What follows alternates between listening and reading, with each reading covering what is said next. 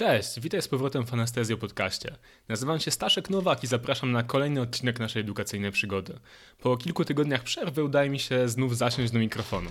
I zanim zaczniemy, chciałbym powiedzieć coś Wam o wynikach badania, które pojawiło się w najnowszym European Journal of Anesthesiology.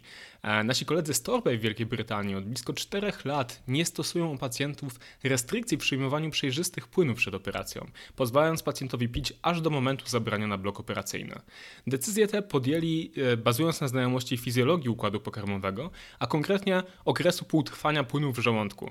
W zdrowej populacji ten okres półtrwania wynosi około 12 minut, więc uznali, że, że nie trzeba zachowywać tych dwóch godzin, o których wszyscy wiemy.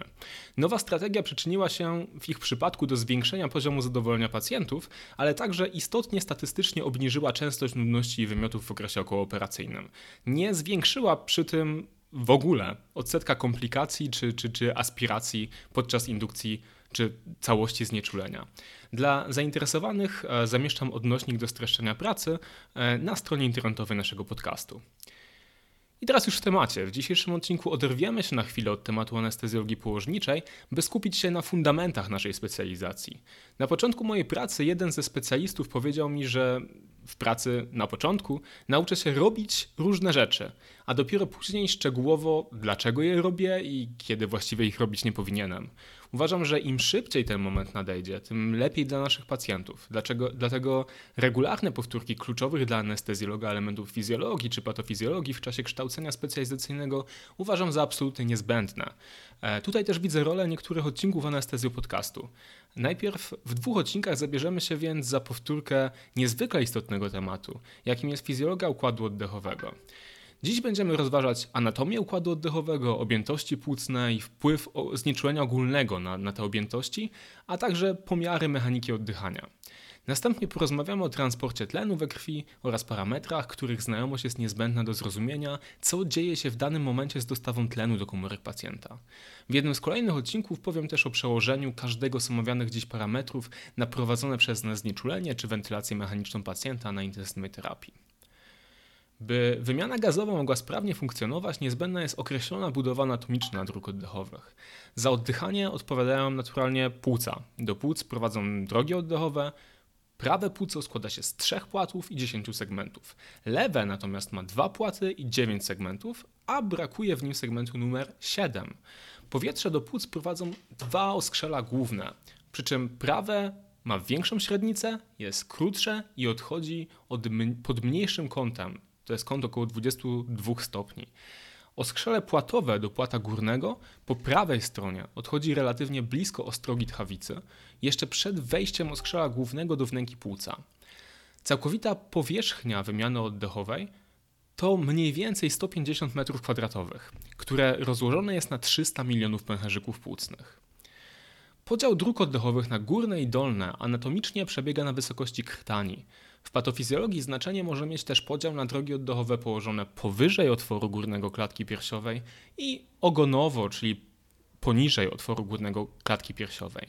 Na swoim przebiegu oskrzała dokonują 23 podziałów, zanim przejdą w pęcherzyki płucne. Głównym mięśniem oddechowym jest przepona, unerwiona przez nerw przebonowy ze splotu szyjnego, konkretnie przez gałęzie C3 do C5. To dlatego całkowite porażenie oddychania przy urazie rdzenia, tak jak mówiliśmy w jednym z poprzednich odcinków, występuje relatywnie rzadko.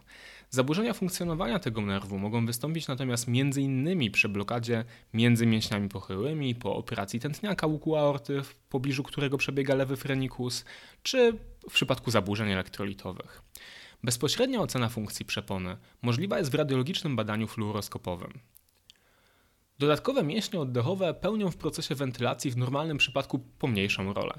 Warto pamiętać, że to wdech jest procesem aktywnym, natomiast wydech u zdrowego człowieka następuje pasywnie dzięki występującym w płucach siłom retrakcji. Oddychaniem zewnętrznym nazywamy wymianę gazową w płucach. Zależna jest ona od wentylacji oraz wymiany gazowej pomiędzy pęcherzykiem a kapilarami płucnymi. Szybkość dyfuzji określana jest przez prawo Fika i jest proporcjonalna do powierzchni, grubości membrany i różnicy ciśnienia parcjalnego po obu stronach tej błony. Naturalnie skuteczność oddychania zewnętrznego zależna jest od perfuzji kapilar płucnych, a w szczególności od współczynnika wentylacji perfuzji. Sama wentylacja zależna jest przede wszystkim od PO2 i PCO2. Silnym bodźcem napędzającym oddychanie jest zakwaszenie płynu mózgowo-rdzeniowego, np. przez wzrost PCO2. U pacjentów z POHP hiperna, hiperkapniczny napęd oddechowy przesunięty jest na wyższe wartości, dlatego wymiana gazowa napędzana jest często spadkiem PO2. Podaż tlenu takiemu pacjentowi powinna być ostrożna i sterowana saturacją z docelowymi wartościami 88 do 92%, bądź idealnie gazometrią krwi tętniczej z targetem 60 do 70 mm subartenci. Jako wentylację pęcherzykową rozumiemy minutową objętość powietrza po odjęciu wentylacji przestrzeni martwych. Jest to więc ta część objętości minutowej, która realnie uczestniczy w wymianie gazowej. Warto zauważyć, że przy zwiększonej częstości oddechów i nieco mniejszej objętości pojedynczego oddechu, objętość minutowa pozostaje stała, znacznie zwiększa się natomiast wentylacja przestrzeni martwej, a co za tym idzie, obniżeniu ulega wentylacja pęcherzykowa. Wentylacja przestrzeni martwej wynosi normalnie 2 do 3 ml na kilogram lub 20-30% objętości oddechowej. Odsetek wentylacji przestrzeni martwej wyliczyć można za pomocą równania Bora, które znajdziesz w tekstowym zapisie tego podcastu. Perfuzję płucną oznaczamy w zapisach literą Q. U stojącego człowieka perfuzja nie jest równomiernie, równomiernie rozłożona i rośnie zgodnie z działaniem grawitacji. Najlepiej ukrwione są więc podstawy płuc. Ta sama zależność stosuje się do wentylacji, chociaż tutaj różnica między podstawnymi a szczytowymi segmentami jest mniejsza. Fizjologiczny stosunek wentylacji do perfuzji wynosi dla całych płuc średnio 0,8, jednak u podstawy będzie to 0,4, 0,6, a więc wyraźnie mniej, u szczytu natomiast od 1,6 do nawet 3, co oznacza, że wentylacja może być nawet trzykrotnie większa od wartości perfuzji tych pęcherzyków płucnych. By doprowadzić do wentylacji pęcherzyków, oddychający musi wykonać określoną pracę oddechową, pokonując opory lepkie prądu powietrza oraz sprężyste opory płuc i klatki piersiowej, a również opory tkankowe. Około 75% całej pracy oddechowej przypada na pokonanie oporów sprężystych. Jako pracę oddechową, według równania, będziemy określać iloczyn ciśnienia przez płucnego, e, zmianę objętości i czasu, w której do tej zmiany objętości doszło. Do prawidłowego prowadzenia wentylacji mechanicznej niezbędne jest dokładne zrozumienie poszczególnych składowych pojemności płuc. Poza wartościami standardowymi, których uczymy się już na drugim roku studiów, szczególnie interesujące dla nas będą. Tak closing volume i closing capacity. Closing volume to objętość płuc, przy której zaczyna się zapadanie drobnych dróg oddechowych. Zależy ono od wieku, od ułożenia ciała, od palenia papierosów czy występowania otyłości, przy której zwykle closing capacity jest niższe od czynnościowej objętości zalegającej. U standardowego nastolatka closing volume to około 10% pojemności życiowej, a u 65-latka bez chorób jest to już poziom 40% objętości życiowej. Closing capacity to pochodna closing volume, będąca sumą jego oraz objętości zalegającej. Największe znaczenie z punktu widzenia oksygenacji ma stosunek closing capacity do czynnościowej objętości zalegającej. Jeśli closing capacity jest wyższa od czynnościowej pojemności zalegającej, występuje ryzyko powstania pułapki powietrznej, przecieku płucnego, a telektazji związanych z resorpcją. Closing volume można ocenić specjalnymi testami zakładającymi głębokie wdechy gazu inercyjnego, np. helu czy ksenonu, albo tak zwaną metodą single breath, gdy pacjent wykonuje pojedynczy wdech 100% tlenem.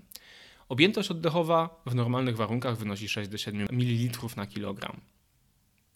Ciekawym jest, co dzieje się z objętościami płucnymi po rozpoczęciu wentylacji mechanicznej. Okazuje się, że wszystkie te objętości ulegają zmniejszeniu o 30 do 60% i jest to niezależne od stosowania lub niestosowania leków zwietrzających mięśnie. Zapadanie się pęcherzyków prowadzi do zwiększenia przecieku płucnego, czemu częściowo zapobiegać możemy przez stosowanie PEEP podczas wentylacji mechanicznej. Ponadto obserwujemy spadek compliance oraz wzrost gradientu pęcherzykowo-tętniczego dla tlenu. W okresie pooperacyjnym największy spadek FRC występuje między drugim a piątym dniem.